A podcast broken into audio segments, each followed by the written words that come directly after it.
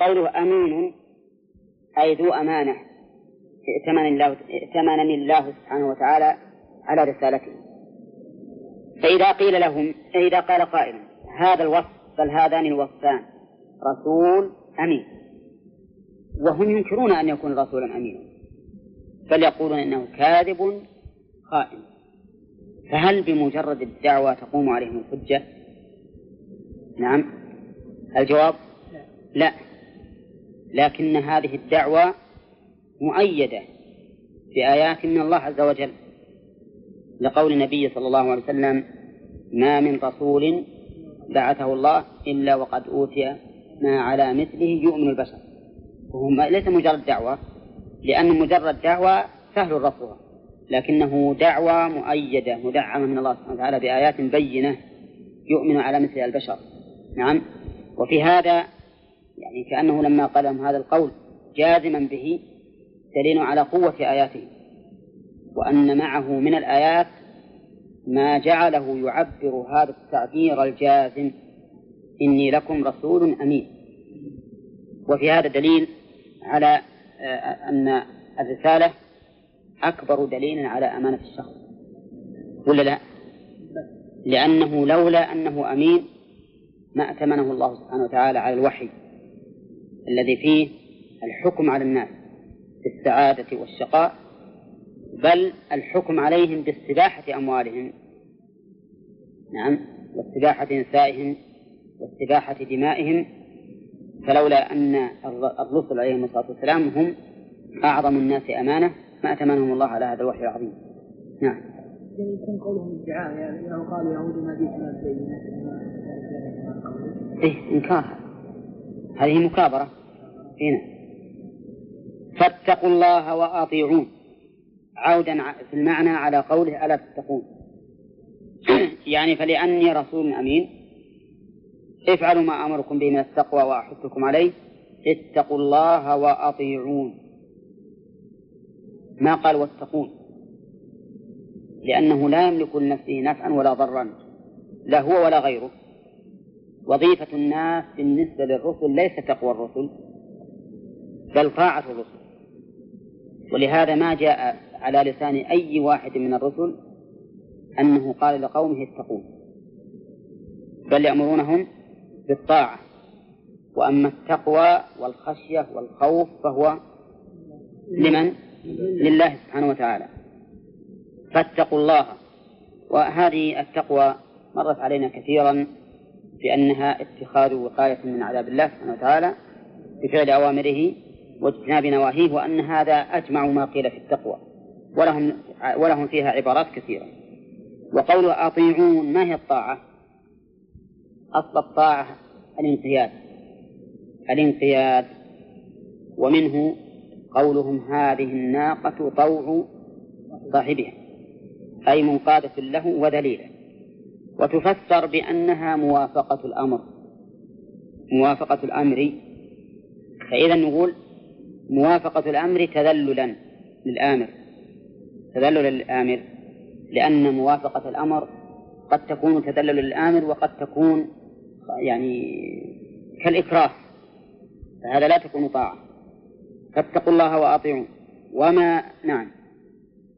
في الآية الكريمة هذه وجوب تقوى الله ووجوب طاعة رسوله. لأن طاعة رسوله من طاعته. من يطع الرسول فقد أطاع الله.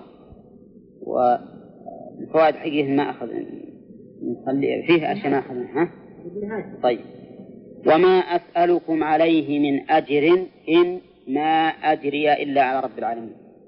ما أسألكم عليه أي على ما أقول لكم. أو عليه أي على تبليغ الرسالة. والمعنى متقارب. يعني أنا لست أقول أعطوني شيئا وإنما آمركم بما فيه خيركم. لو كنت أسألكم أجرا على ذلك لكان لكم الحجة في أن تردوا. لكني لا أسألكم عليه أجرا يعني ثوابا وعوضا إن أجري إلا على رب العالمين. نعم. إن ما أجري إلا على رب العالمين. وفي هذا كمال الإخلاص. يعني أنا لا أريد الأجر إلا من الله سبحانه وتعالى. في قوله إلا على رب العالمين. إلا على. على يقول العلماء إنها تفيد الوجوب. لأن ما قال إن أجري إلا من من رب العالمين. قال على رب العالمين. وهل الله سبحانه وتعالى يجب عليه شيء؟ الجواب أما أن نوجب عليه فلا. وأما أن يوجب على نفسه تكرما فهذا لا مانع منه. قال ابن القيم ما للعباد عليه حق واجب هو أوجب الأجر العظيم الشان. نعم. كلا ولا عمل لديه ضائع إن كان بالإخلاص والإحسان. نعم. إن عذبوا فبعدله أو نعموا فبفضله والفضل للمنان. والبيتين هذول اللي ثلاث الأبيات ذكرهن وهن مقيدات لأبيات سابقة. ما للعباد عليه حق واجب كلا ولا سعي لديه ضائع. إن عذبوا فبعدله أو نعموا فبفضله وهو وهو الكريم الواسع. البيتين هذول مطلقات. لكن القيم قال ما للعباد عليه حق واجب هو أوجب الأجر العظيم الشان. كلا ولا عمل لديه ضائع قيدها بقوله إن كان بالإخلاص والإحسان. الإحسان المتابعة. أما إذا لم يكن بالإخلاص والإحسان فيضيع. فمن كان يرجو لقاء ربه فليعمل عملا صالحا ولا يشرك بعبادة ربه أحدا. نعم. يقول فاتقوا الله وما إن أجري إلا على رب العالمين. أتبنون بكل ريع مكان مرتفع. آية بناء علما للمارة. تعبثون بمن يمر بكم وتسخرون منهم إلى آخره. يقول أتبنون بكل ريع آية. آية يعني علامة.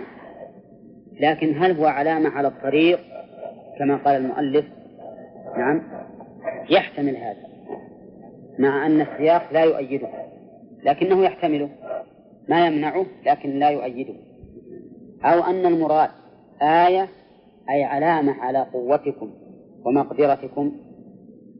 نعم هذا هو الأقرب ولهذا قال بكل ريع يعني أنكم تقصدون من هذه البنايات أن تكون آية ودليلا وبرهانا على قوتكم.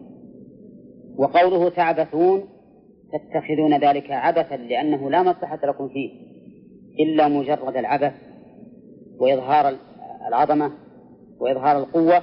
وهذا بلا شك أن كون الإنسان يظهر قوته أنه عبث وفساد. وعلى هذا يتبين لنا أن هؤلاء الذين يحاولون أن يصلوا إلى الكواكب نعم ويطلقوا هذه الأقمار اللي ما يستفيدون في منها في الأرض مثل قوم عاد تماما. يعني الطريقة هي الطريقة. وإن كان الأسلوب مختلفا لكن الطريقة هي الطريقة. يعني يفعلون هذه الأشياء آية وعبثا. إذ لا يستفيدون منها فيما خلق لهم هو الذي خلق لكم ما في الأرض. اللي في السماء في السماء. لكن اللي في الأرض هو اللي مخلوق لنا. ننتفع به مباشرة. لكن ما في السماء مسخر لمصالحنا ولكننا لا ننتفع به مباشرة. نعم فالمنتفع الذي ينتفع به مباشرة هو ما في الأرض. ولهذا يقول بعض الناس لماذا تحاولون أن تصلوا إلى السماء وأنتم عاجزون عن حل مشاكلكم في الأرض؟ نعم وهذا صحيح. لكن بس مجرد العبث والفخر وأننا أقوياء وأننا وصلنا إلى كذا ووصلنا إلى كذا.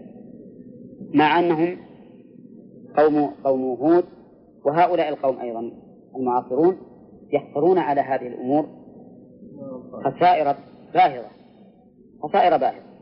فصارت عبثا لأن كل شيء يتعب الإنسان فيه جسمه وماله وفكره بدون فائدة فهو عبث عبث لا فائدة منه. بل إنه إذا أراد ما وراءه من إظهار العظمة والكبر على الخلق صار أيضا فسادا. فصار إيجابيا لا سلبيا فقط. نعم إيجابيا لأنه فساد. هو ينكر عليهم هذا الأمر. أتبنون بكل ريع آية تعبثون. وأما ما سلكه المؤلف رحمه الله من أنهم يجعلون علامات للمارة لأجل إذا مروا بهم يسخرون منهم فهذا بعيد عن السياق. وإن كان السياق لا يمنعه لكنه لا يؤيده. الصواب في هذا في هذه الآية أنهم يبنون بنايات عظيمة نعم تدل على قوتهم وقدرتهم عبثا لأنهم لا يستفيدوا منها سوى إظهار العظمة فقط وهذا لا, لا شك أنه عبث. وتتخذون مصانع إلى آخره. إذا تأملت الإنسان ولا الإنسان الأول هو الإنسان الأخير.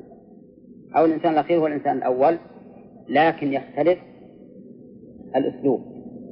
إن الذين أجرموا كانوا من الذين آمنوا يضحكون وإذا مروا بهم يتغامزون.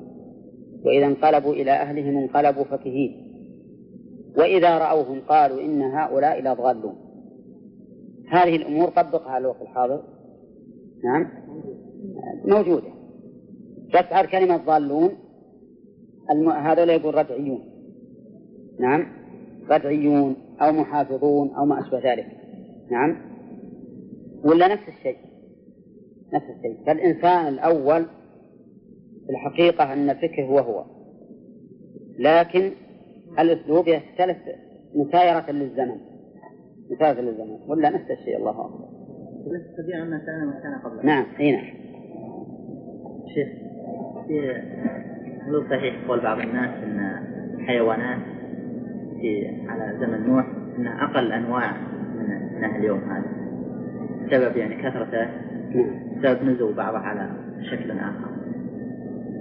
تولد منها أشكال. طبعا أما الآية ما تصرح لا بهذا ولا بهذا. من كل زوج من كل زوجين اثنين. من كل زوجين اثنين. يعني من كل من الموجودات. ما ندري هل إن هو لا شك أن الأصل ما ما وجد أصل جديد أبدا. لم يوجد أصل جديد.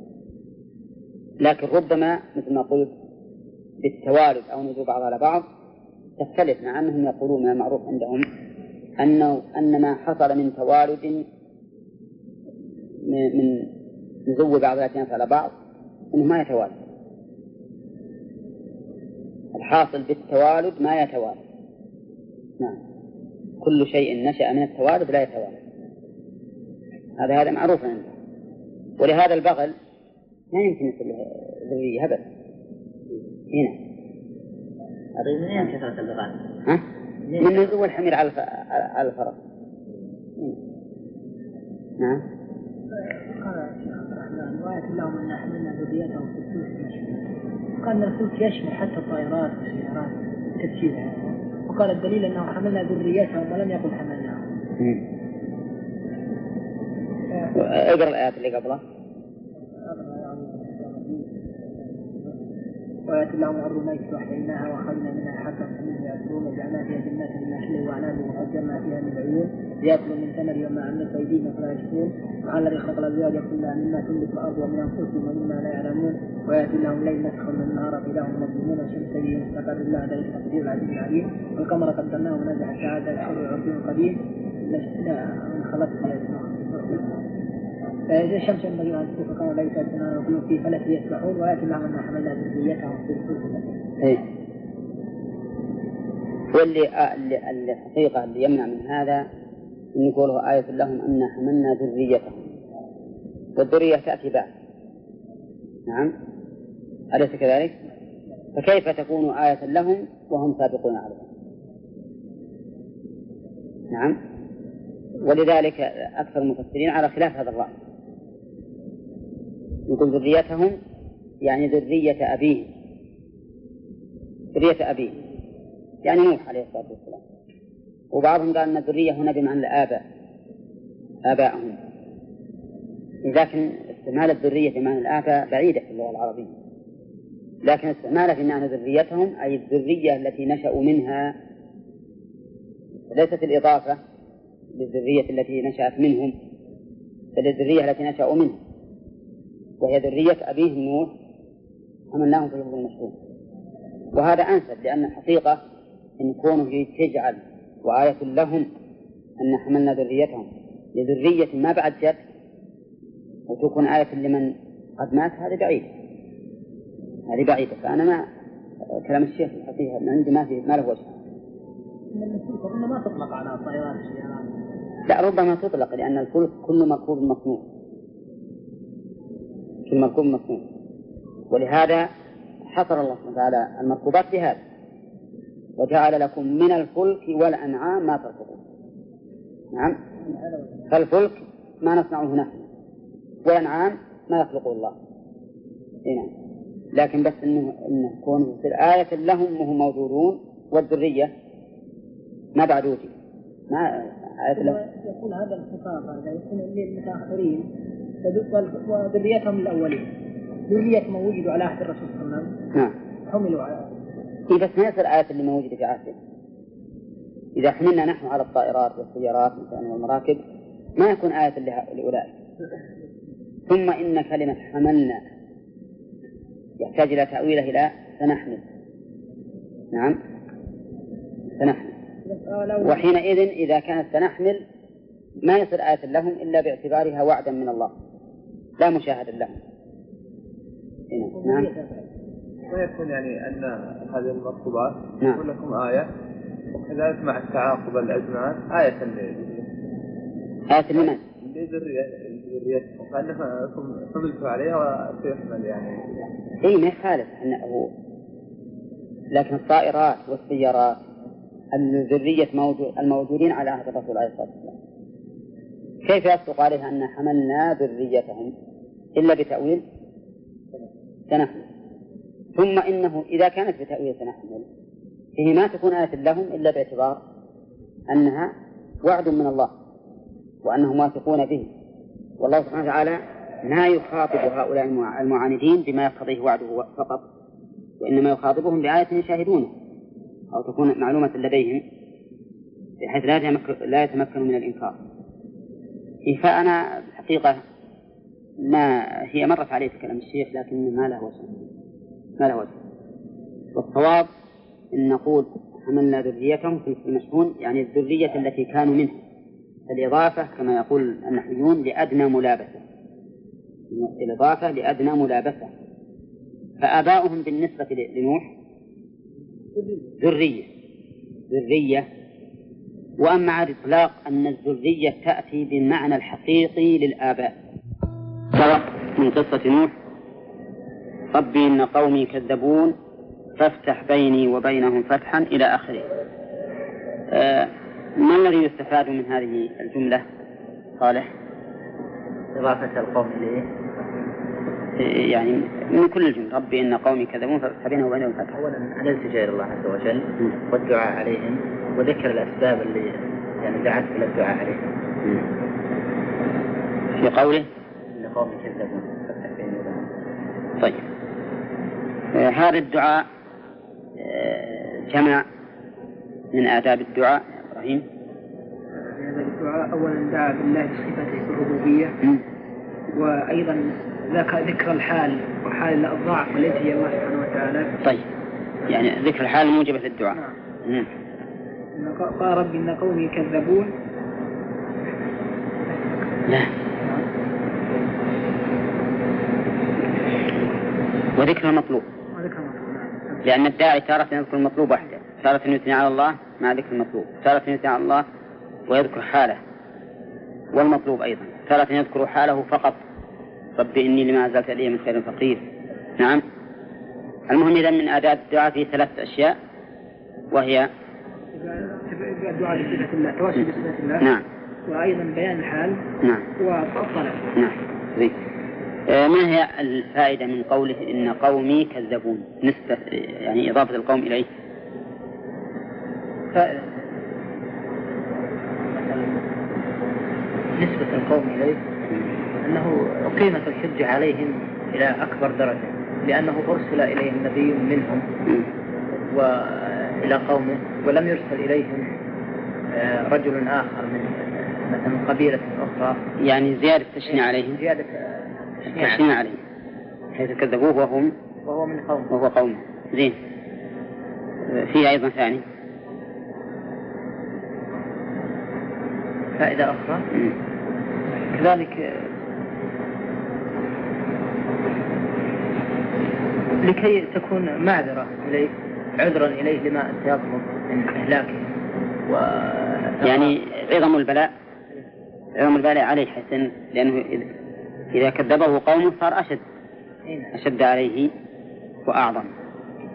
ففيها عظم البلاء عليه ليكون أقوى وسيلة في إجابة دعوته. طيب هل هل ماذا يستفاد من قوله؟ فافتح بيني وبينهم فتحا؟ يحكم بينهم معناه أن يحكم بينهم في إهلاكهم طيب هل يسوغ مثل هذا الدعاء؟ لأنهم لأنهم أهل للهلاك يعني يستفاد منه أنه عند اليأس نعم. يجوز أن يدعو الإنسان على المكذبين والمعاندين طيب. هل أقر شرعنا هذا أم أم خالفه؟ هل شرعنا أقر هذا أم خالفه؟ شرعنا أقره إنما فضل عدم الدعاء إلا إذا كان ثبت أنهم لا يستقيموا ولا يؤمنوا يشرع الدعاء. وش الدليل؟ وش دليلك؟ الدليل إنه الرسول صلى الله عليه وسلم دليل على عدم مشروعية الدعاء إلا عند الحاجة. إيه. أن رأى النبي صلى الله عليه وسلم عندما نزع جبريل وقال إن شئت أطلق عليهم أخشبين فقال إني لأرجو أن يخرج الله من أصلابهم من يعبد الله وحده ولا يشرك به شيئا كما قال صلى الله عليه وسلم. هذا الذي ولكنه لم يمنع. هو منع أن الإنسان يدعو على من نعم. أنا أنا الآن أسأل. إذا المشروع عدم الدعاء. يعني معناه أن شرعنا ورد مخالفا لذلك؟ نعم. طيب في دليل أصح من هذا؟ الدليل الصريح في ذلك أن النبي صلى الله عليه وسلم لما دعا عليه الصلاة اللهم أهلك فلان ابن فلان فلان ابن فلان نزل عليه قوله تعالى ليس لك من الأمر شيء. أو يتوب عليهم؟ أو يعذبهم فكف عن نعم. إيه نعم. شرعنا أمر بالصبر وعدم الدعاء عليه. ولكن قد يقال إن نوح عليه الصلاة والسلام شريعته تخالف شريعتنا ولا ولا مانع من أن تختلف الشرائع في مثل هذا. وأيضا فإن نوحا عليه الصلاة والسلام مكث في قومه كم؟ ألف سنة إلا خمسين عاما وكلما دعاهم ازدادوا إصرارا واستكبارا. فما بقي أن للصبر عليهم فائدة. لكنه لم يهاجر منهم كما فعل يونس بل بقي فيهم حتى عذبهم الله. الشيخ نعم. كون الرسول صلى الله عليه وسلم دعا على الملأ من قريش. نعم. ما يدل هذا على جواز الدعاء؟ على اي لكنه منع منه. في آخر الأمر منع منه. ولا هو دعا على الملأ من قريش في في في, في مكة قبل أن يهاجر. وفي في الأخير منع لأن ليس من ليس لك من هذا الشيء. بعد كثير. طيب قوله ماذا يستفاد من قوله؟ فأنجيناه ومن معه في الفلك المشهور. نعم. يشمل تشمل النجاة. المؤمنين ومن ركب معه في الفلك من الحيوان. إيه. يعني يستفاد منه أن الله سبحانه وتعالى أنجى من معه من المؤمنين بناء على دعائه نعم. وأنجى غيرهم أيضا مما يحتاجون إلى وجوده من كل زوجين اثنين. طيب. آه، هل يستفاد من الآية الآية الكريمة الإشادة في هذا الفلك؟ إبراهيم؟ نعم. اثنين معه في الفلك المشحون آه أول وصفه بالمشحون آه ثم الفلك تعريفه بأن العسير بأن التعريف. الداء على الكمال يعني. الكمال نعم. وكونه مشحون يدل أيضا على قوته لأن ما ليس بقوي. لو شحن لغرق وتلف. ثم قول فانجيناه ومن معه. يعني كثيرين هم قطعا. اي لا كلام عن المشحون بعد كلام عن المشحون لكونه مملوءا ومع ذلك استقام وأنجى الله به من معه. طيب وفي قصة هود. أولا هود عليه الصلاة والسلام بعث في قبيلة تسمى عاد عاد وتنزل مساكنها؟ في الأحقاف. نعم. واشتهروا بماذا؟ اشتهروا بالقوة و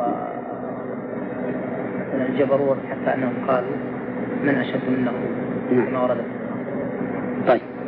أحسنت يستفاد من قوله إني لكم رسول أمين. أن الرسالة تتضمن الأمانة. لأن الإنسان وهو بشر لا يرسل إلا من وثق به. فكيف بالخالق؟ هنا. طيب. يعني يستفاد من ذلك أن أهل الرسالة كلهم أمناء. لأنه ما يمكن يستقيم الإرسال إلا بأمين يوثق به. طيب أوردنا على هذا إشكال يا إبراهيم. ما الإشكال؟ أن الإنسان إذا كان الرسول أو من بعث إذا كان أمينا لا أيضا لا يلزم بتصديقه لأنه عرفناه بالأمانة. إلا ببينة أو بآية تدل على رسالته. لا يكتفى بأمانته عن الآية أو المعجزة التي تدل لا لا لا لا, لا. هذا ما هو ما هو إشكال. نعم. إن أوردنا إشكال على قوله إني لكم رسول أمين. ها؟ تخصيص الحاصر لكم لا؟ أوردنا إشكال مبين يعني ما هو؟ وأجبنا. محمد. إيه؟ قلنا هذه دعوة منه. دعوة, منه وهم ينكرون ذلك. يقول لست رسولا ولست أمينا بل كذبوه.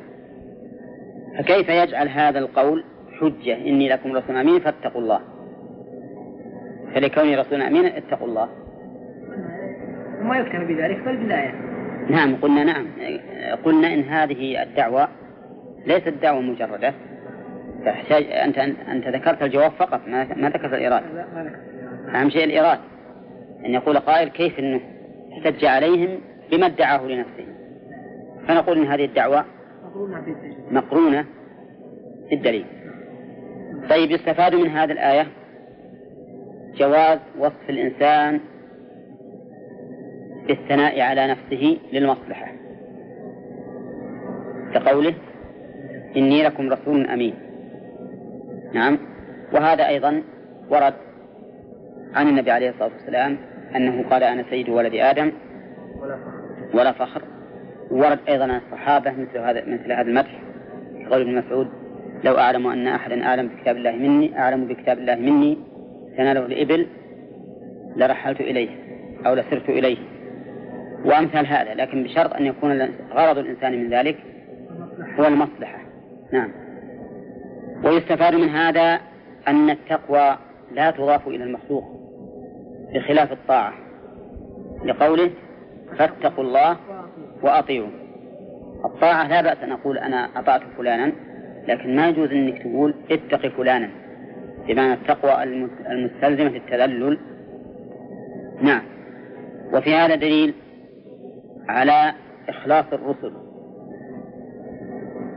لله في قوله وما أسألكم عليه من أجر. وفيه أيضا الاحتساب. احتساب الإنسان عمله على الله. لا ليس الإدلال على الله في هذا العمل والمنة عليه به ولكن الاحتساب به عليه لرجاء ثوابه. لقوله إن أجري إلا على رب العالمين نعم. وفي هذا دليل على جبروت عاد ومحبتهم للكبرياء. والعظمة بما أنكره عليهم نبيهم أتبنون بكل ريع آية.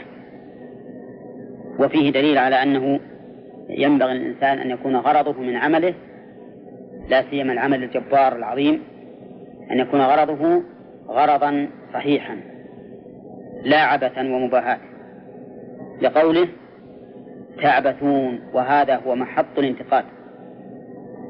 ليس أن يبنوا بكل ريع آية ولكن كون ذلك عبثا هو محل الانتقاد ومحط اللوم. ثم قال الله تعالى في سياق ما قاله هود لقومه وتتخذون مصانع للماء تحت الأرض لعلكم كأنكم تخلدون عليها لا تموتون. تتخذون مصانع جمع مصنع وهو محل الماء كما قال المؤلف. المصانع عبارة عن الخزانات التي تحت الأرض يتخذونها لعلهم يخلدون. يعني كأنهم خالدون في هذه الدنيا غير ميتين. نعم. وقول لعل المؤلف رحمه الله أتى بها للتشبيه كأنكم. ولكن ما ما رأينا أحدا ذكر أنها تأتي للتشبيه. بل إنما قالوا أنها تأتي للإشفاق والتعليل والتردي. هذا هو المعروف من معاني لعل وهنا ينظر المعاني الثلاثة أيها أولى بها. ها؟ للترجي يعني يترجون أن يخرجوا في ذلك. نعم. آه أو للتوقع. يتوقعون الخلود. لكن على كل حال أن للترجي أقرب. يعني أنهم يتخذون هذه المساكن لأجل أن يبقوا فيها كأنما يخلدون فيها. وقوله المصانع هي التي للماء تحت الأرض قد ينازع فيها أيضا بأن يقال إن المراد بالمصانع مكان مكان الصناعة. مكان الصناعة يعني أنهم أيضا اتخذوا مصانع كثيرة كما تدل عليه صيغة منتهى الجمود مفاعل ثم إنها قوية لقوله لعلكم تخلدون لأنه لا أحد يبني شيئا للبقاء الكثير إلا ويحكمه ويتقنه فتكون فيكون هود عليه الصلاة والسلام أنبهم بأمرين الأمر الأول اتخاذ الآيات الأبنية القوية العظيمة عبثا وإظهارا للقوة والفخر. والثاني هذه المصانع العظيمة التي اتخذوها نعم لأجل أن يخلدوا ويبقوا ويصنعوا فيها. وقد قال الله تعالى إرم ذات العماد. نعم مش نعم. ترى كيف؟ فعل ربك. إيه ألم ترى كيف فعل ربك بعاد إرم ذات العماد التي لم يخلق مثلها في البلاد. وهذه العماد العظيمة والتي لم يخلق مثلها في البلاد لا بد أن تكون ناتجة عن مصانع قوية لتولد هذه المواد. لعلكم تخلدون. ثم قال من جبروتهم أيضا العدواني لأن الأول جبروت معماري ومصنعي. والثاني آه الثالث الجبروت العدواني. وإذا بطشتم بطشتم جبارين. والآن آه قس هذه الأشياء على وقتنا الحاضر تجدها منطبقة تماما. فأمس تكلمنا على من يتخذون من هذه القوة آية نعم للفخر والعبث. ثم هذه المصانع أيضا التي يتخذونها. مصانع القنابل الذرية والنووية وغيرها لأجل أن يخلدوا حتى لا يتسلط عليهم أحد وحتى تكون لهم السيطرة في هذه المصانع. نجي إلى الوصف الثالث. موجود في هذا الوقت ولا لا, ولا لا؟ إذا بطشتم بطشتم جبارين. يعني أنكم تبطشون. وإذا بطشتم بطشتم جبارين. وإنما قلت أنكم تبطشون لأن إذا تفيد تحقق وقوع الشر بخلاف إن فإن كلمة إن إن قام زيد فقم ما تدل على تحقق وقوع الشر. لكن إذا قلت إذا قام زيد إذا قام فقم.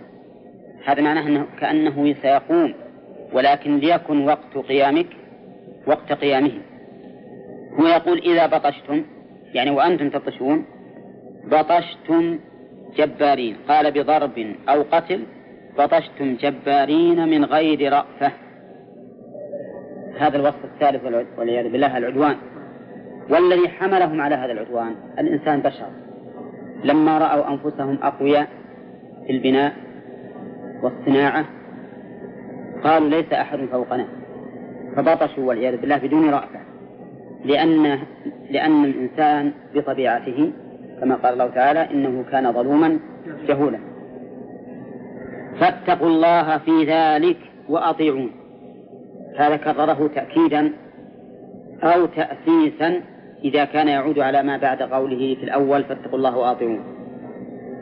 إن كان إن كان يعود على ما بعده فاتقوا الله وأطيعون فهو تأسيس.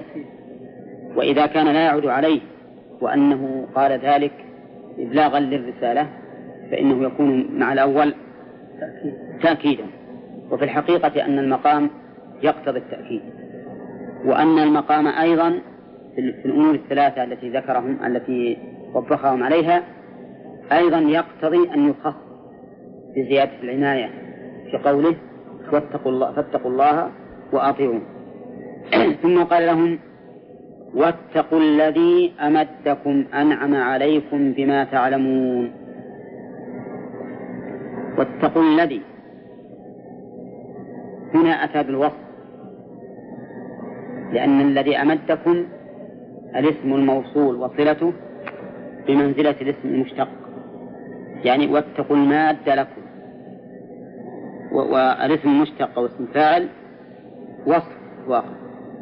فهنا انتقل من وصف الألوهية إلى وصف إلى وصف الربوبية الخاص الذي نالهم منه وهو الذي أمدكم لأن إمداد الله تعالى بالنعم من مقتضى الربوبية. نعم. وقولها الذي أمدكم بما تعلمون أتى بهذا الوصف أيضا. إقامة للحجة عليهم. إقامة للحجة عليهم لأن من أمدك بهذه النعم كان أولى أن تتقيه. وقول بما تعلمون مبهم لأن ما اسم موصول والاسم الموصول مبهم وعام.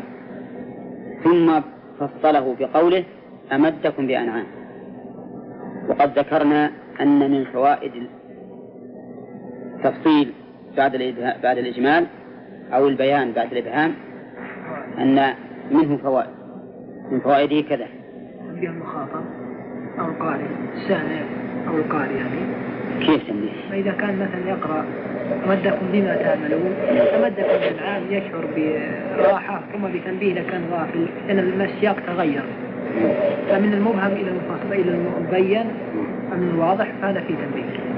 ثانيا أيضا فيه تشويق. تشويق لأن الإنسان يحب الاستطلاع. فإذا أبهم إليه الأمر ووضح اشتاق إليه ورسخ في ذهنه. نعم الغرض من ذلك نعم تصريف شيء في الذهن. لأنه إذا جاء مبهما تشوف له الذهن فإذا بين له بعد ذلك رسخ فيه. طيب بعده.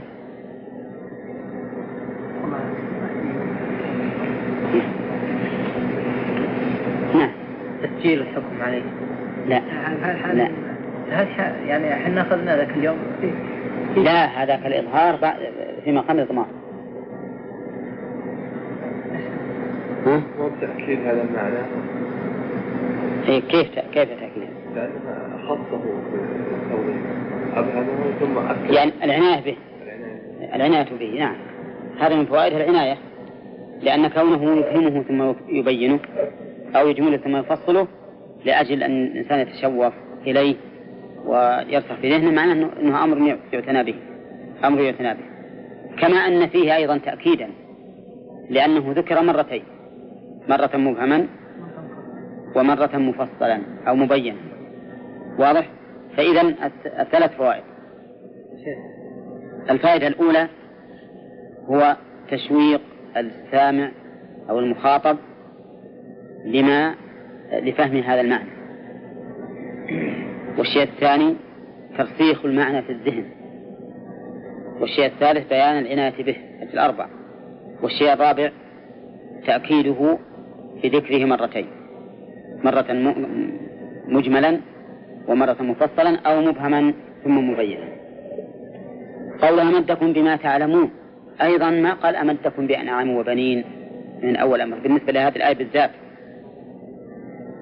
بين لهم أن الله أمدهم بأمر لا يمكنهم إنكاره. بأمر لا يمكنهم إنكاره. لأنهم يعلمونه فقدم بما تعلمون على ذكر المنعم به لإقامة الحجة عليهم حيث إن هذا نعم مفهومة لهم ولا لا؟ ها؟ مفهومة معلومة معلومة لهم فلا يمكنهم إنكارها أولا أمدكم بأنعام وبنين وجنات وعيون أنعام جمع نعم أو جمع نعم ها؟ جمع نعم يعني الإبل. يعني الإبل. وإذا قلت إن نعمة جمعها نعم وجمع نعم أنعام نعم صارت المراد بالأنعام ما هو أعم من الإبل؟ يعني كأنه يقول بنعم كثيرة. وقوله وبنين. نعم. معروف إنها الابل فقط. معروف إنها الابل فقط. لكن إذا قيل بهيمة الأنعام تشمل الثلاثة خير لك من حمر النعم. قال وبنين الذكور من الأولاد. وخص البنين لأنهم أبلغ في شرف الإنسان ولأن أولادهم يكونون قبيلة. لكن أولاد البنات من غيرهم قبيلة ولا يكونون أسرة. وقول وجنات بساتين وعيون أنهار.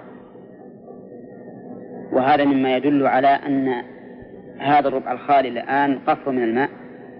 إنه كان فيه بساتين وكان فيه أنهار.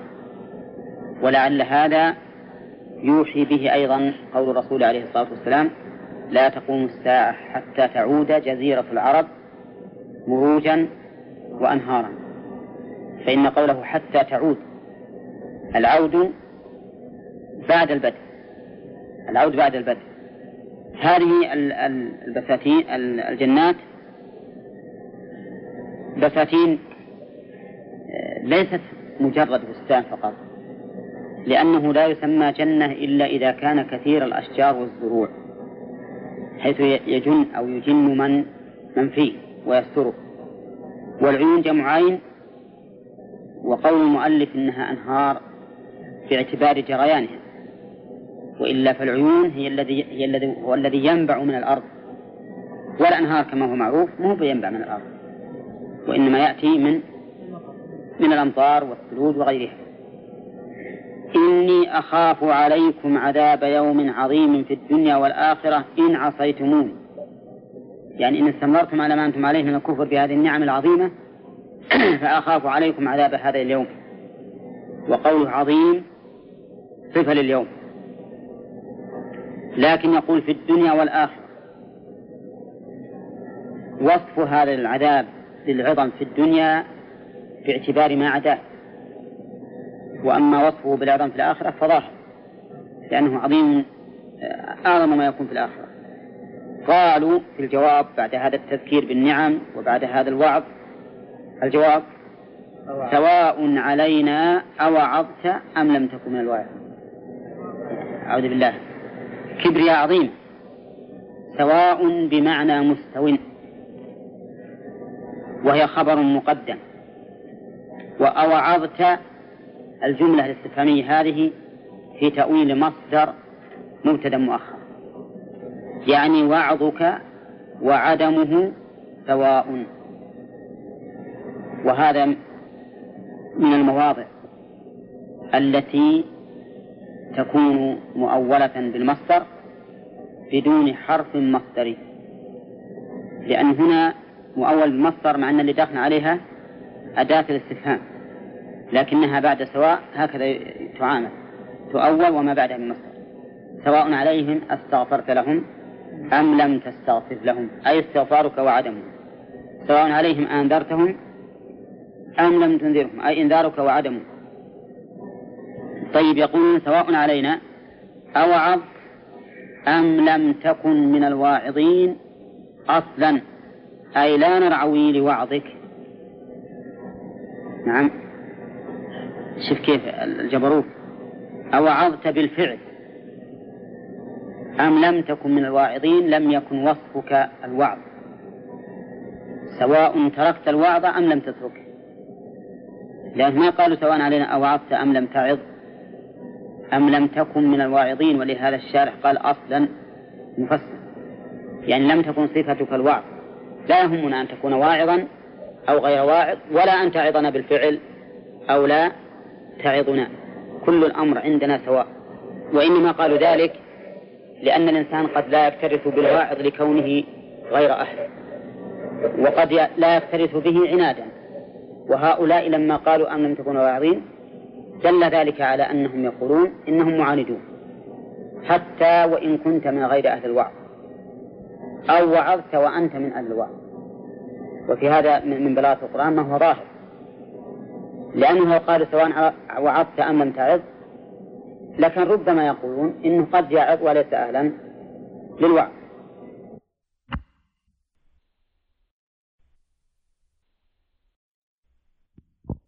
وإنما قالوا ذلك لأن الإنسان قد لا يكترث بالواعظ لكونه غير أهل وقد لا يكترث به عنادا. وهؤلاء لما قالوا أن لم تكونوا واعظين دل ذلك على أنهم يقولون إنهم معاندون. حتى وإن كنت من غير أهل الوعظ. أو وعظت وأنت من أهل الوعظ. وفي هذا من بلاغة القرآن ما هو ظاهر.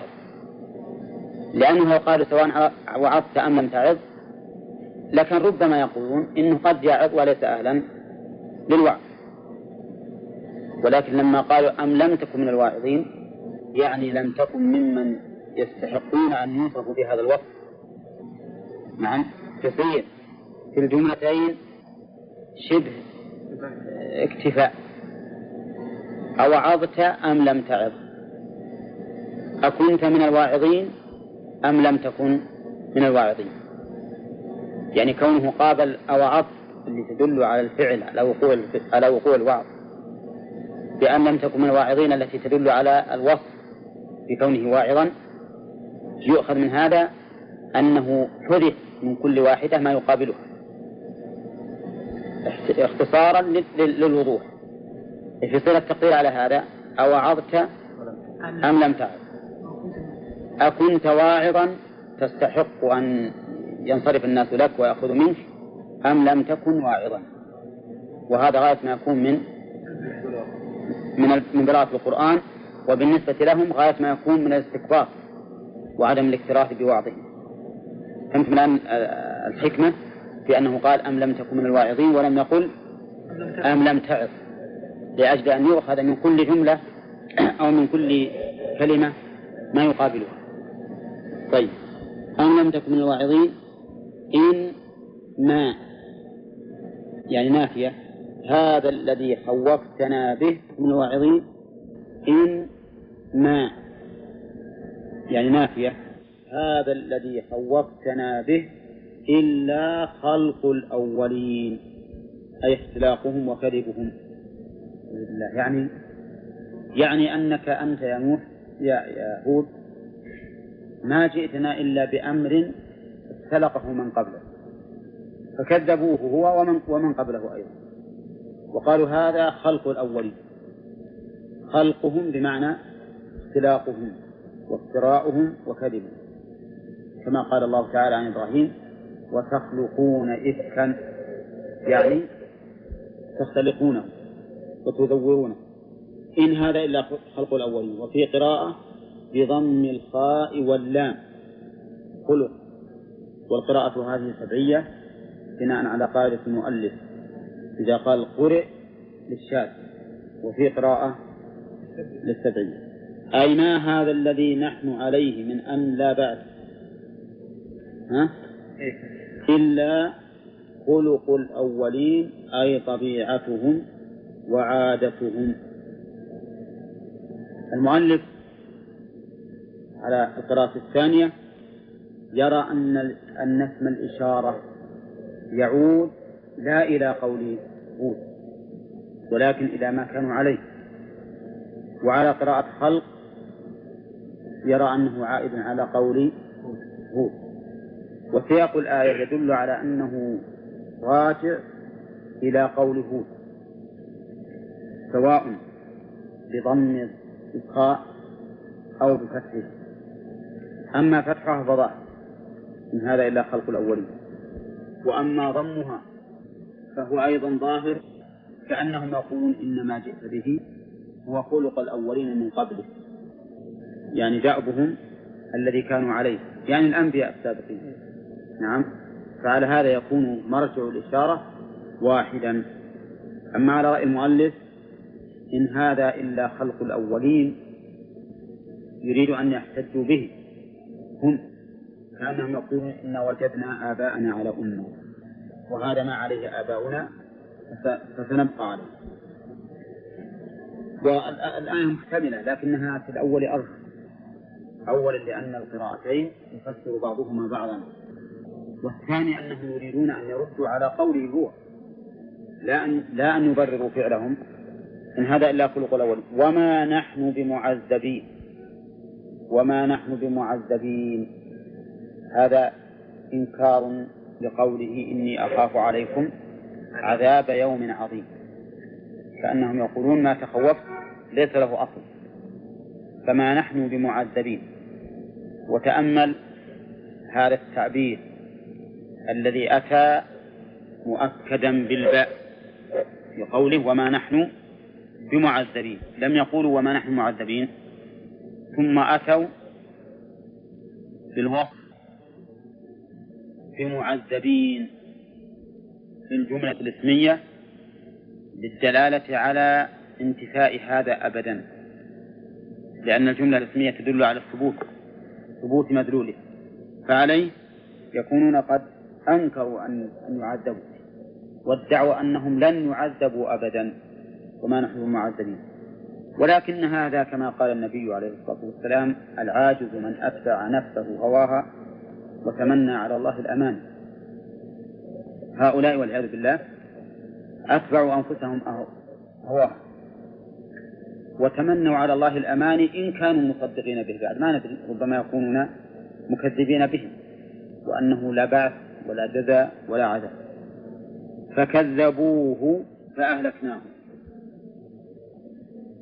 يعني فبهذا القول الذي صدر منهم يصدق عليهم هذا الوصف أنهم كذبوا هودا فيكونون مستحقين للعذاب ولهذا أتى بالفاء فأهلكناهم في الدنيا بالريح.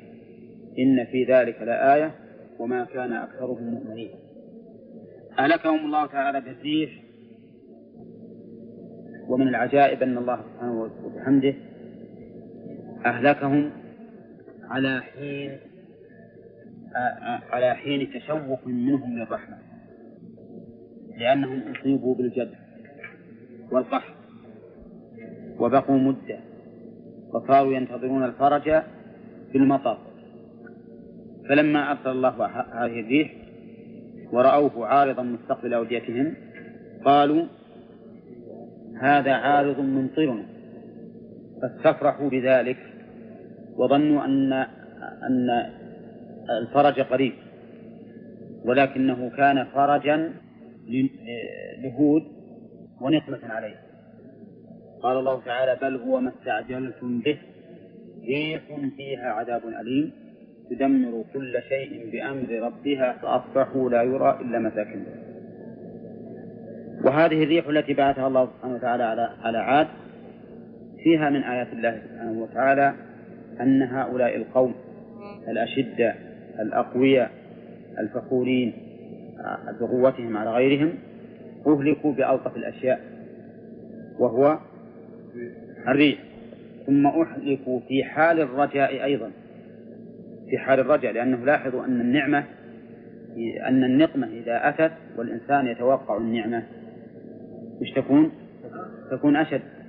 وكذلك إذا أتت النقمة والإنسان في نعمة تكون أيضا أشد وأنكى والعياذ بالله. وفي وفي قوله تعالى فأهلكناهم إلى آخره موعظة لنا بما نسمعه أحيانا. من هذه الأعاصير المدمرة التي تقلع الأشجار وتخرب الديار وتهلك الثمار وتهلك الأعمار أيضا. ولكن مع الأسف أن الكثير منا يصدق عليهم قول الله تعالى وإن يروا كسفا من السماء ساقطا يقولوا سحاب مركوم. هذا أمر طبيعي ما هو شيء. الناس الآن يسمعون بالزلازل ويسمعون بهذه الأعاصير ويسمعون بالفيضانات العظيمة ولكنهم لا يعدونها إلى أنها غضب من الله عز وجل. يعدونها إلى أنها أمر طبيعي ولهذا ما يتأثر الإنسان بها إطلاقا ولا كأنها بشيء. بينما نحن صغار إذا سمعنا أن الأرض زلزلت بأحد نرتجف نحن.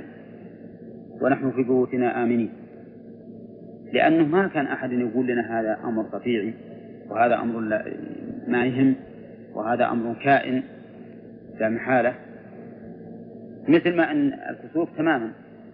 كان الناس في الأول إذا كسف القمر أنا أذكره يحصل منهم رغبة رهبة عظيمة.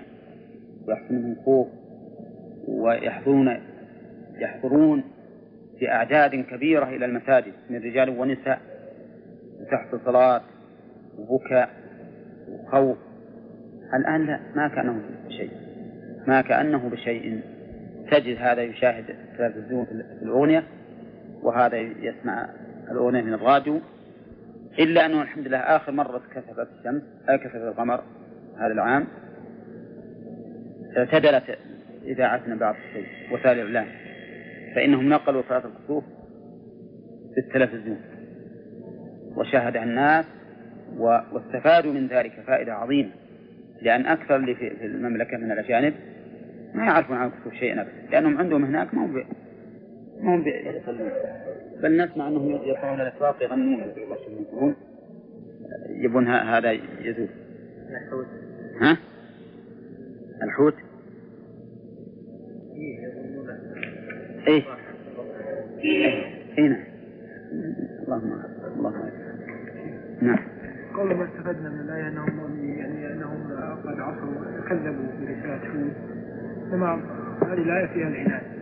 في آيات أخرى ثبت أنهم أنه إيش؟ أنهم لم يصدقوا بهود تلك عاد الجحر آيات ربهم وعصوا إيه. تبع الله في طيب. ولم يصدقوا عنادا لم يصدقوا عنادا يخاف عليكم عذاب يخاف عليكم عذاب يوم عظيم نعم.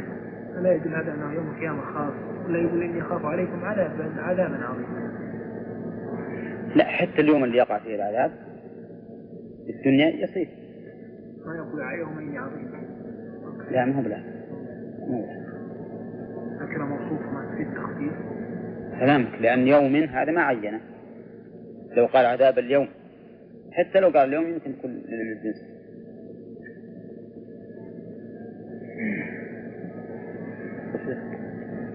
على هذا كأنهم بلغتهم الرسالة.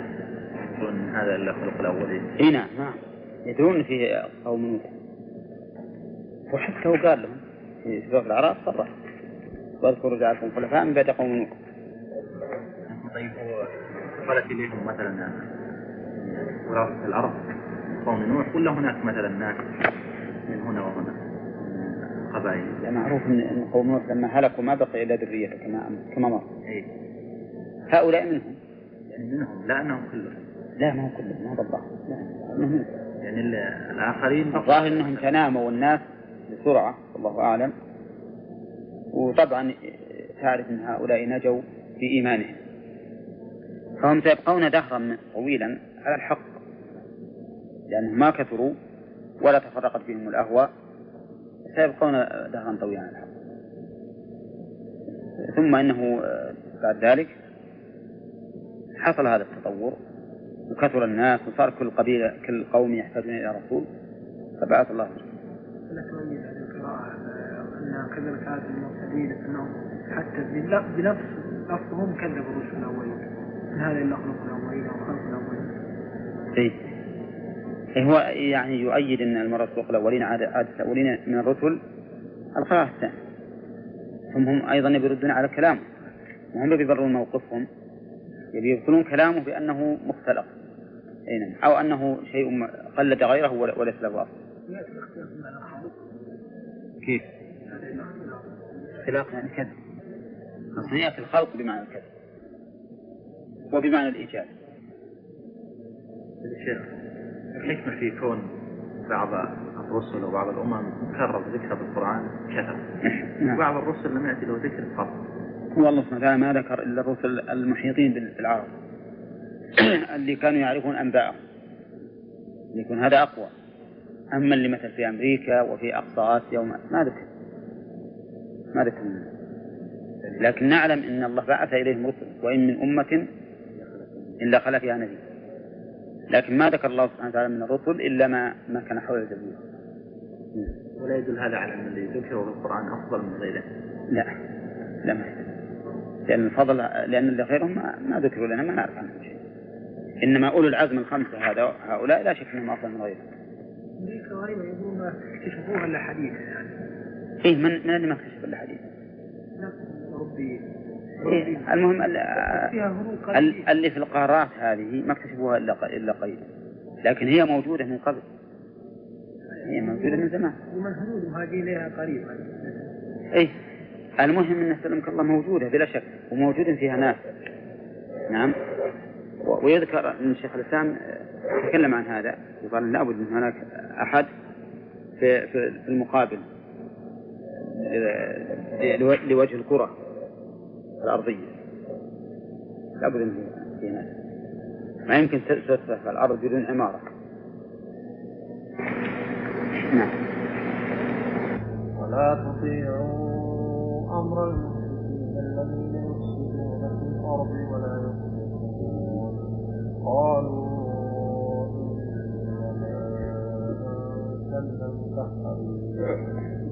ما أنت إلا بشر.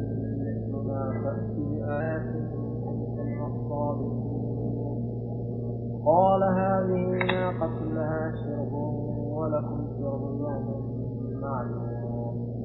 ولا تمسوها بسوء فيأخذكم عذاب يوم عظيم. فعقروها فأصبحوا نادمين. فأخذهم العذاب. إن في ذلك لآية. وما كان أكثرهم مؤمنين وإن ربك لهو العزيز الرحيم. أعوذ بالله من الشيطان الرجيم.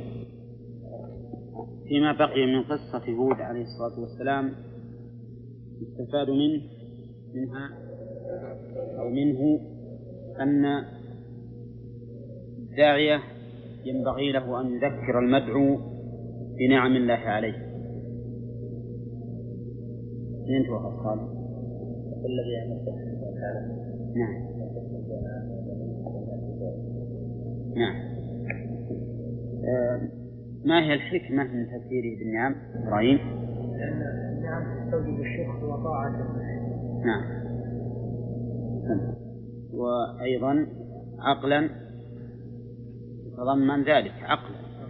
طيب.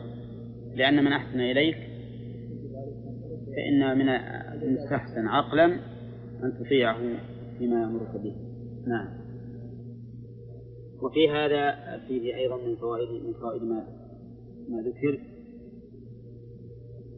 أن هذه النعم التي يمد الله بها العبد تستوجب أن يقوم بتقوى الله. لأن قوله واتقوا الذي أمدكم بما تعلمون كالتعليل للأمر بالتقوى. فيكون تكون النعم مستوجبة لتقوى العبد لربه تبارك وتعالى لا للأشر والبطر والبعد عن الله. نعم. لقوله واتقوا الذي أمدكم حيث عدل عن قوله واتقوا الله إلى ما ذكر إشارة إلى أن هذا سبب كبير لوجود التقوى. وفي الآية من الفوائد أيضا بيان أنه ينبغي للداعية مع القرن بذكر النعم أن يقرن الدعوة بالتخويف. منين توفى محمد؟ إني أخاف عليكم عذاب يوم عظيم. من قوله إني أخاف عليكم عذاب يوم عظيم. وفيه أيضا أنه ينبغي إذا كان المقام أنسب. أن يكون غير مصرح بذلك بقوله إني أخاف. ما قال إنكم ستصابون بيوم عظيم بل قال أخافه المتوقع له غير الجازم له به. لأن المقام يقتضي ذلك ولكل مقام مقال. وفيه دليل على أن الله سبحانه وتعالى قد يطبع على قلب العبد. فلا يستفيد بموعظة لقوله سواء علينا أم لم تكن من الواعظين. هذا إذا لم يكن هذا القول منهم كذبا.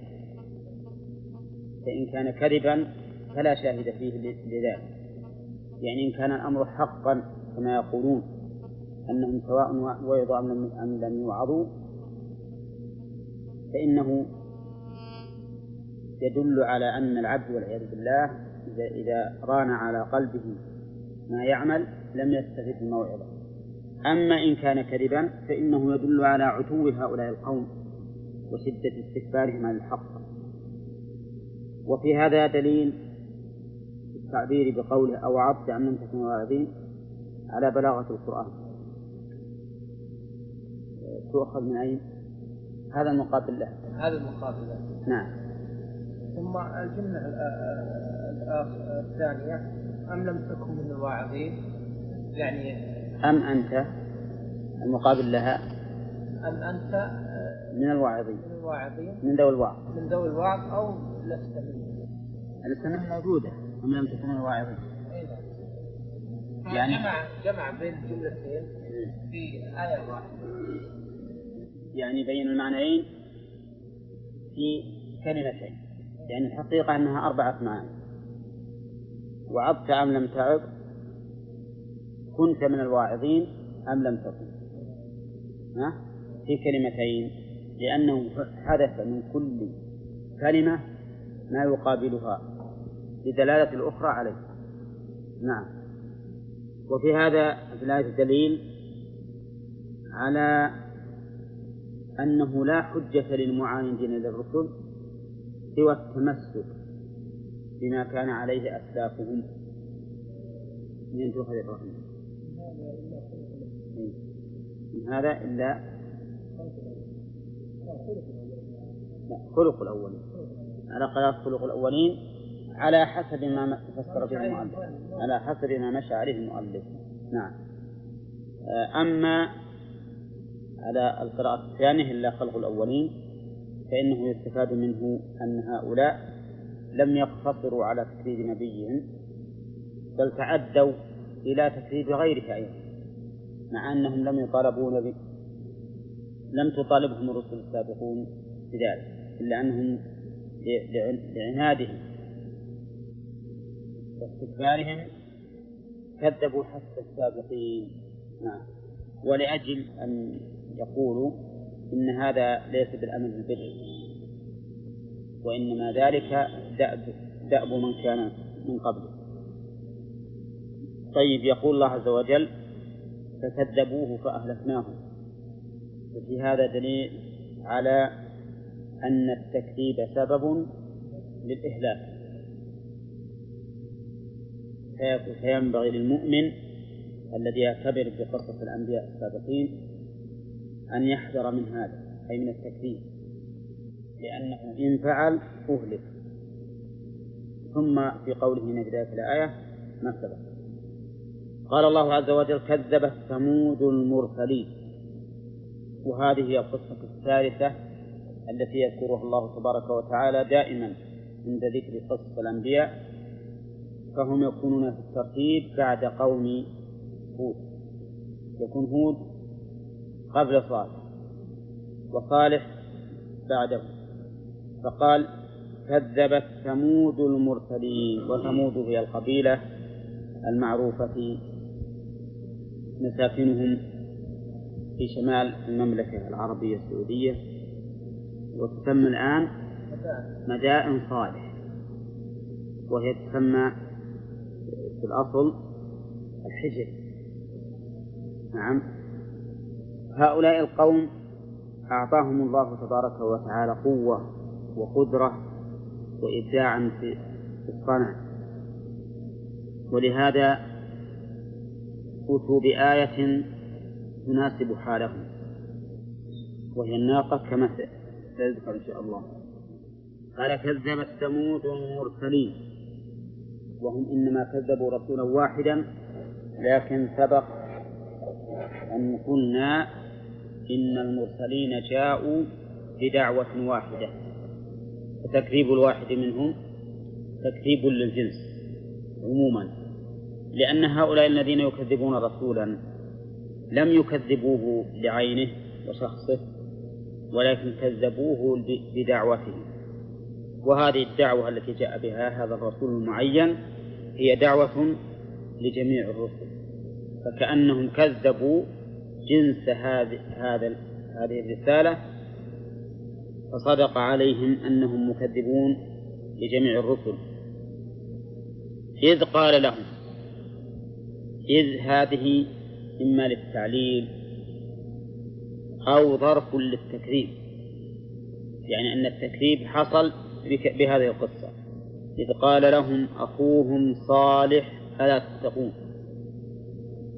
وسماه أخا لهم مع بعد ما بين المؤمن والكافر لأخوة النسب لا لأخوة الدين. قال لهم صالح ألا تتقون؟ إني لكم رسول أمين فاتقوا الله وأطيعون. كل هذه الجمل سبق الكلام عليها وذكر الإرادات على قوله إني لكم رسول أمين والجواب عنه. وما أسألكم عليه من أجر إن ما أجري إلا على رب العالمين. وهذا أيضا كله سبق. قال أتتركون فيما هاهنا من الخير آمنين في جنات وعيون وزروع ونخل طلعها هضيم لطيف لين. أتتركون فيما هاهنا فيما أي في الذي. ها هنا الإشارة إلى مكانهم. لأن مكانهم كما وصفه صالح عليه الصلاة والسلام جنات وعيون وزروع ونخل طلعها عظيم. والاستفهام في قوله أتتركون للتحذير يعني أتظنون أن تتركوا؟ لا فلن تتركوا فهو للنفي المتضمن للتحذير. وقولها تتركون مبين المجهول للعلم بالفاعل. من هو الفاعل؟ الله سبحانه وتعالى. يعني أيترككم الله فيما ها هنا وقوله فيما ها هنا أمين إلى آخره تذكيرهم بنعمة الله سبحانه وتعالى عليهم وأنهم لا يترك أن يكون لا يمكن أن يتركوا في هذه الحال بدون أمر ولا نهي. فهو كقول أيحسب الإنسان أن يترك سدى؟ نعم. أفحسبتم أنما خلقناكم عبثا وأنكم إلينا لا ترجعون؟ قال فيما ها هنا آمنين. حال من الفاعل من الواو في تتركون. يعني حال كونكم آمنين. والآمن هو الذي أمن من الخوف. وفيه دليل على استقرارهم في أوطانهم وأمنهم. والأمن مع الرزق الواسع هما غاية النعمة في هذه الحياة. قال آمنين في جنات وعيون. الجنات جمع جنة وهي البساتين الكثيرة الأشجار لأنها تستر من فيها. وقولها عيون جمع عين وهي المياه الجارية بدون دوالي ولا نواضح. في جنات وزروع ونخل طلعها هضيم. عطف ما ذكر على الجنات من باب عطف الخاص على العام. لأن للعناية به. وإلا فهو داخل في الجنات فإن الزروع منها والنخيل كذلك. ونخل طلعها هضيم. طلع يعني ما تطلعه. وقوله هضيم يقول لطيف لين. والأمر كذلك. فإن طلع النخيل من ألين ما يكون و... و... ألطفه من ألينه وألطفه. وقيل إن الهضيم بمعنى النظيف. كما قال الله تعالى لها طلع نظيف رزقا للعباد. يعني أنه منضود ليس متفرقا لأجل أن يسهل أخذه وجنيه وقوله ونخل طلعها هضيم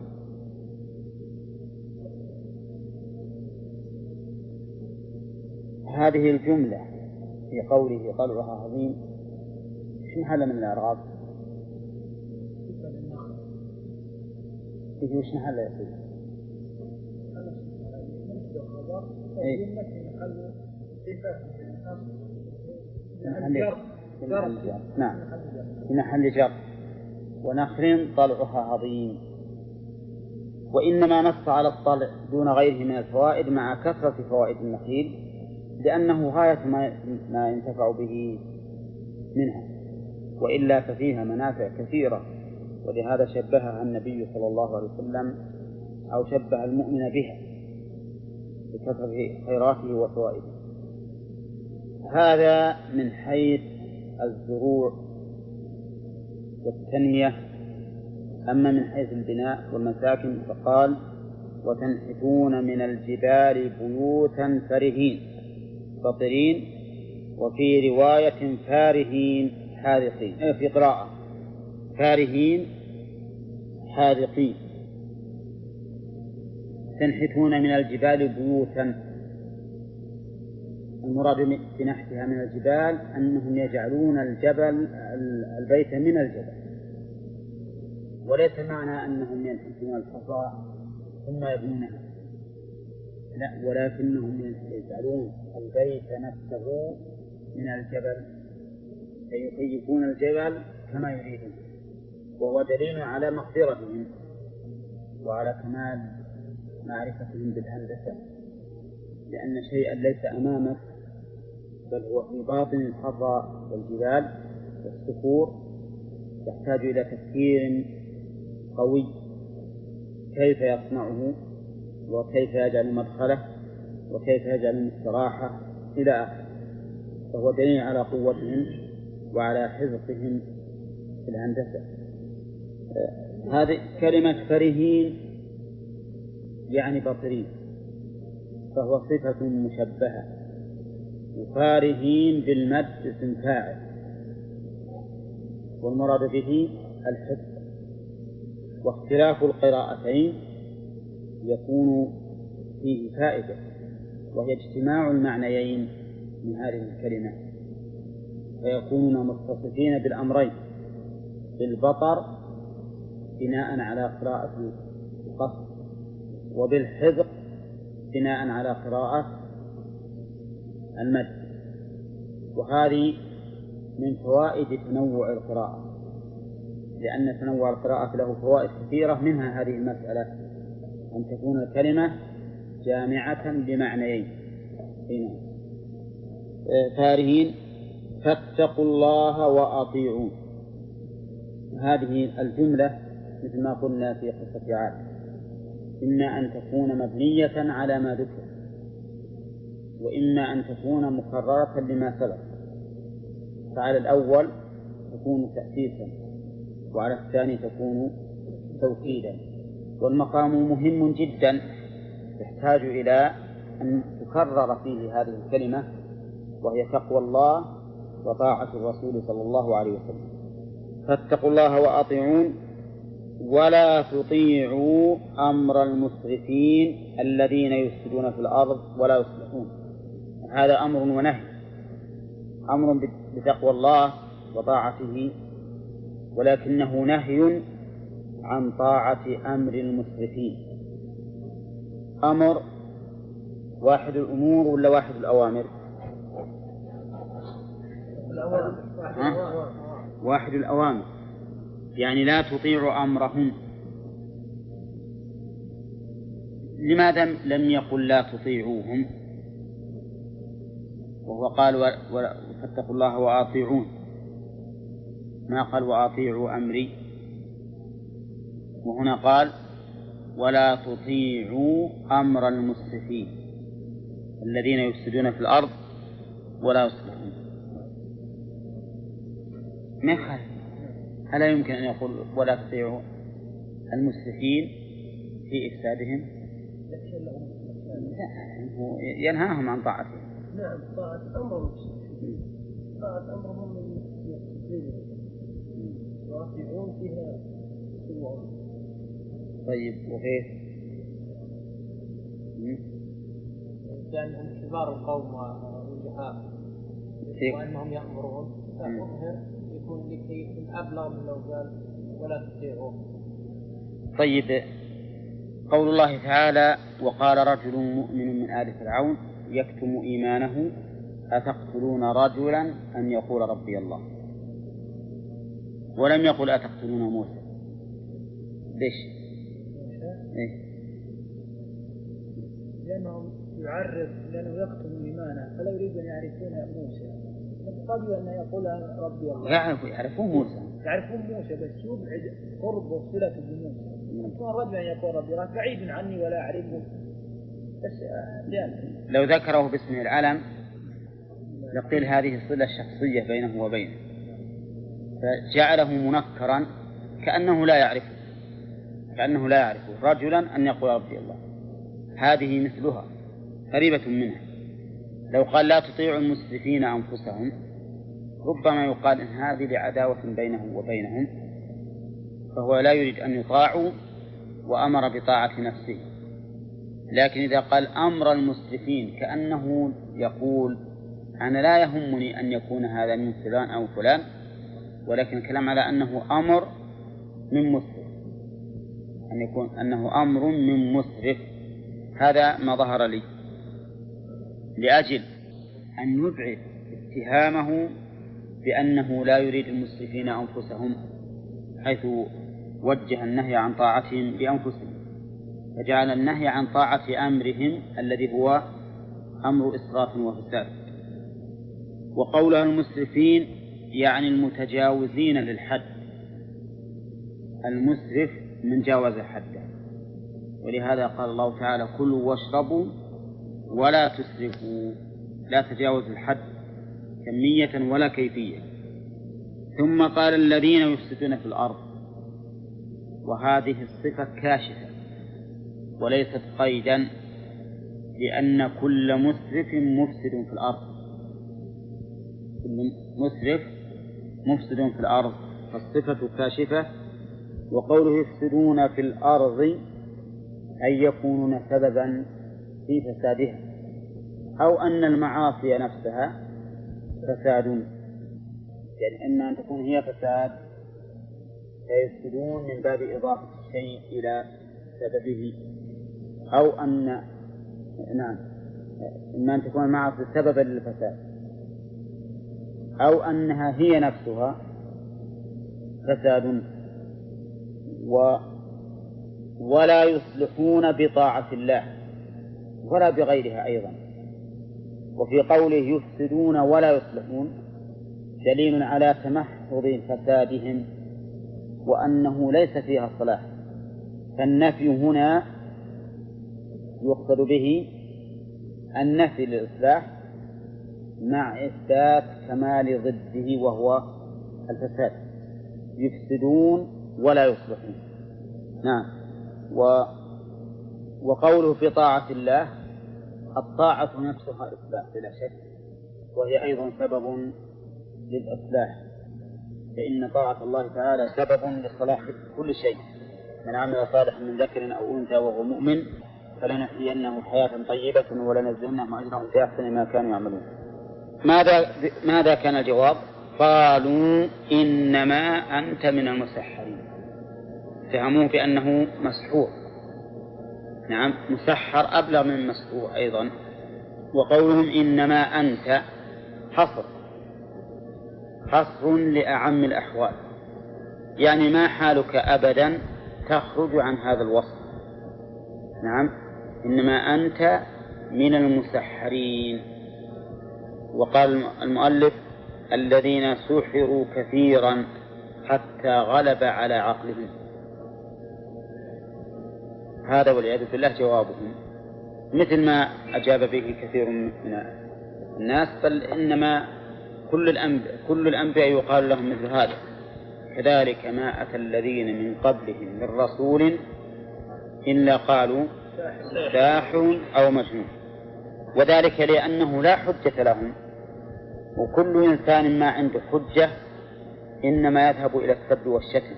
يظن أنه بذلك ينفر عمن خصمه وعجز عن مقابلته. وأما الإنسان الذي عنده حجة فإنه لا يلجأ إلى الشتم وإلى السب. ولهذا يعاب على بعض العلماء أن يكون دأبه السب والشتم مع خصومه. مثل ما يفعل من؟ ابن حزم رحمه الله وعفى عنه. يعني لو كان يناقش بهدوء لكان أحسن له. وأما السب والشتم في قوم هم مثلك أرادوا أن يصلوا إلى الحق. فهذا لا ينبغي ولا يليق ب... ولا يليق بالإنسان العام فضلا عن العالم. فالمقصود ليس هو التهجم على الشخص المقصود المقالة أن يرد عليها وتبطل. لكن أعداء الرسل ليس عندهم ما يقاومون به. ما جاءت به الرسل. فلهذا يلجؤون دائما إلى السب والشتم. ما أنت أيضا إلا بشر مثلنا. أما الأول فكذب. إنما أنت من مسحر بلا شك. بل هو من أعقل الناس عليه الصلاة والسلام ولولا أنه أعقل قومه ما جعل الله الرسالة فيه. الله أعلم حيث يجعل رسالته. فهو أعقلهم وأكثرهم أمنا وأقواهم صبرا. لكن ما أنت إلا بشر مثلنا. هذا صحيح ولا لا؟ هذا صحيح. ما هو إلا بشر مثلنا. لكن هذه العلة من أن يكون رسولا. ولهذا قالت الرسل لقومهم الذين احتجوا عليهم بهذه الحجة إن نحن إلا بشر مثلكم ولكن الله يمن على من يشاء من عباده وما كان لنا أن نأتيكم بسلطان إلا بإذن الله. هذا هذا جواب هذه الشبهة. هي شبهة فجعلوها حجة. فيقال وإذا كان بشرا مثلكم, مثلكم فما المانع من أن الله يمن عليه بالرسالة لا مانع في الواقع. وأيضا لا يمكن أن الله يرسل أحدا إلى البشر إلا من البشر. حتى لو جعل ملك ملكا كما اقترح لجعل بصورة الرجل. لجعل بصورة الرجل ثم عاد الأمر على هؤلاء ملتبسا مشتبها فلم يستفيدوا من ذلك شيئا. قال الله تعالى إن ما أنت إلا بشر مثلنا فأت بآية إن كنت من الصادقين في رسالتك. يعني لو اقتصروا على الجملة الثانية. ما أنت إلا بشر مثلنا فأت بآية. لكان هذا كلام أو كلاما سليما. لأن كل إنسان يأتيه بشر مثله ويقول إنني رسول رب العالمين. نعم. سيقول هات آية ودليل وإلا لأمكن كل كذاب أن يدعي النبوة وأن يأتي وأن يستحل دماء غيره وأموالهم بهذه الدعوة الكاذبة. فقولهم ائت بآية صحيح صريح. لكن ما المراد بالأمر هنا؟ هل المراد به التحدي أو الاسترشاد؟ يظهر من حالهم أن المراد به التحدي يعني أنه ليس لا يمكن أن يأتي بآية على حد قولهم إنه مسحر. نعم. فأتي بآية. إن كنت من الصادقين في رسالتك. وكلمة إن كنت من الصادقين تدل على استبعادهم أن يكون كذلك وعلى أنهم يريدون بهذا التحدي له. أجابهم بقوله هذه ناقة لها شرب. هذه الآية. وهذه الناقة أعظم مما يصنعونه من الحجارة وما ينبت وما يزرعونه من الزروع ويغرسونه من الأشجار. لأنها خرجت عن عن النوق الأخرى. لم تكن مثل النوق المعروفة المألوفة. وما وما وجه كونها آية؟ لها شرب ولكم شرب يوم معلوم. هذا وجه الآية في هذه الناقة. وأما ما جاء في الإسرائيليات من أنها خرجت من صخرة فهذا لا أصل له. لا أصل له. ولو كانت كذلك لذكرت في القرآن لأن خروجها من صخرة وهي من الحيوان أشد وأظهر وأجلى في الآية من كونها لها شرب ولهؤلاء شرب. صوابا يقال إن هذه الناقة ناقة ولدت من نوق ولكن لها مزية على غيرها وهي هذه المزية العظيمة. لها شرب ولكم شرب يوم معلوم. كيف لها شرب ولكم شرب؟ يعني أنها هي تشرب